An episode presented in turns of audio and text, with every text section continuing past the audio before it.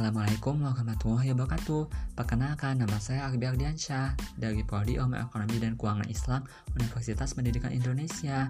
Nah, kali ini saya akan membahas mengenai pendidikan Pancasila, tepatnya dinamika dan tantangan Pancasila dalam kehidupan berbangsa dan bernegara. Tapi teman-teman, ada yang spesial nih, karena Arbi ditemenin sama teman Arbi itu Kokom Angela. Teman-teman, Perkenalkan, nama saya Arbi Ardiansyah. Saya di sini akan menemani kakak Arbi. Ya, meskipun hanya sebagai penanya saja sih. Hihihi.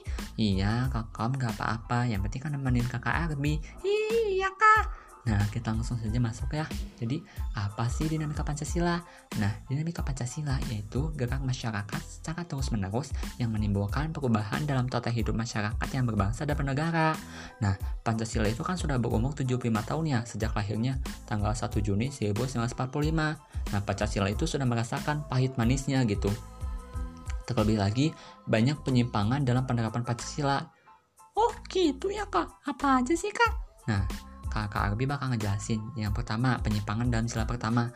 Yaitu kan sila pertama tuh ketuhanan yang maha esa. Nah penyimpangan tuh banyaknya teroris yang e, menganggap dirinya apa sih kayak teroris yang bagi, mengidentikan sebagai sebuah agama gitu.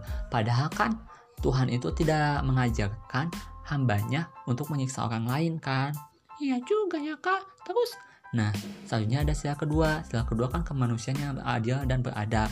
Nah, contoh penyimpangannya ya kayak pembulian, kayak eh, apa sih? Kayak perebutan hak orang lain, rasisme. Nah, kayak gitu kayak gitu yang berhubungan dengan HAM yang tidak berperi kemanusiaan. Nah, selanjutnya ada sila ketiga yaitu Persatuan Indonesia. Nah, contoh penyimpangannya kayak ya gerakan separatis yang ingin memisahkan diri dari Indonesia. Nah, contohnya kayak gerakan Aceh Merdeka, gerakan Papua Merdeka. oh gitu ya, Kak. Kok baru tahu? Hmm, Iya, Kom.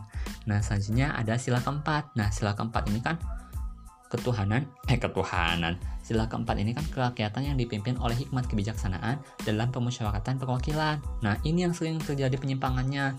Contohnya kayak ketidakadilan dalam hukum. Misalnya, seseorang mencuri, hukumannya 3 tahun. Sedangkan seorang yang korupsi gitu, yang bahkan mencurinya tuh lebih banyak daripada orang yang hanya mencopet dompet gitu. Tetapi hukumannya hanya satu tahun, hanya dua tahun. Kan tidak adil kan? Oh iya juga ya, Kak. Ish, ish, ish. Nah, selanjutnya ada yang sila kelima. Sila kelima itu kan keadilan sosial bagi seluruh rakyat Indonesia. Nah, contoh penyimpangannya tuh kayak e, misalnya kita mau masuk kerja atau mau masuk ke ranah pemerintahan. Nah, ada ketidak ada ketidakadilan terkadang. Contohnya orang yang memiliki koneksi dengan para jab, para aparat-aparat penting pasti mereka bisa lebih cepat masuk ke pekerjaan atau masuk pemerintahan sedangkan kita yang hanya misalnya orang biasa-biasa saja terkadang susah untuk misalnya masuk ke pemerintahan atau menjadi pekerja di perusahaan gitu jadi mereka mereka yang ada koneksi dengan aparat-aparat atau para pejabat tinggi pemerintahan tuh ya memiliki privilege atau ya jalur tikus lah gitu kan tidak adil Oh iya juga ya, Kak. Hmm. Nah, Pancasila juga mengalami banyak tantangan. Terlebih lagi, zaman semakin modern, perkembangan teknologi semakin maju. Nah, salah satunya yaitu adanya globalisasi. Nah, globalisasi ini tuh memang sih ada dampak positifnya, tetapi ada dampak negatifnya juga. Dampak negatifnya juga contohnya menyebarnya budaya kebarat-baratan seperti westernisasi, terus budaya konsumtif, budaya hedonisme, nah gitu kan. Oh iya juga ya, Kak. Terus bagaimana dong kita dalam melawan budaya-budaya seperti itu?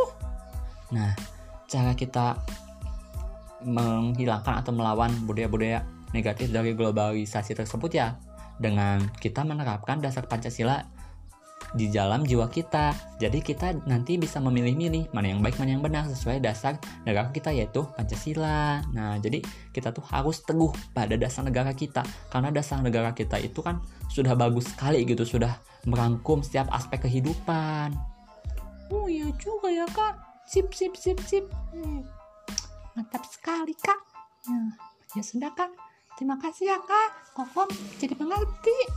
Iya kok. Nah, jadi teman-teman, mulai sekarang kita harus menerapkan dasar negara kita Pancasila sebagai jiwa dalam diri kita agar kita terhindar dari hal-hal yang negatif yang merusak. Contohnya ya pengaruh globalisasi yang berdampak negatif pada kita. Nah, akhirnya kan kita bisa menyaringnya. Nah gitu teman-teman. Jadi cukup sekian saja ya. Assalamualaikum warahmatullahi wabarakatuh.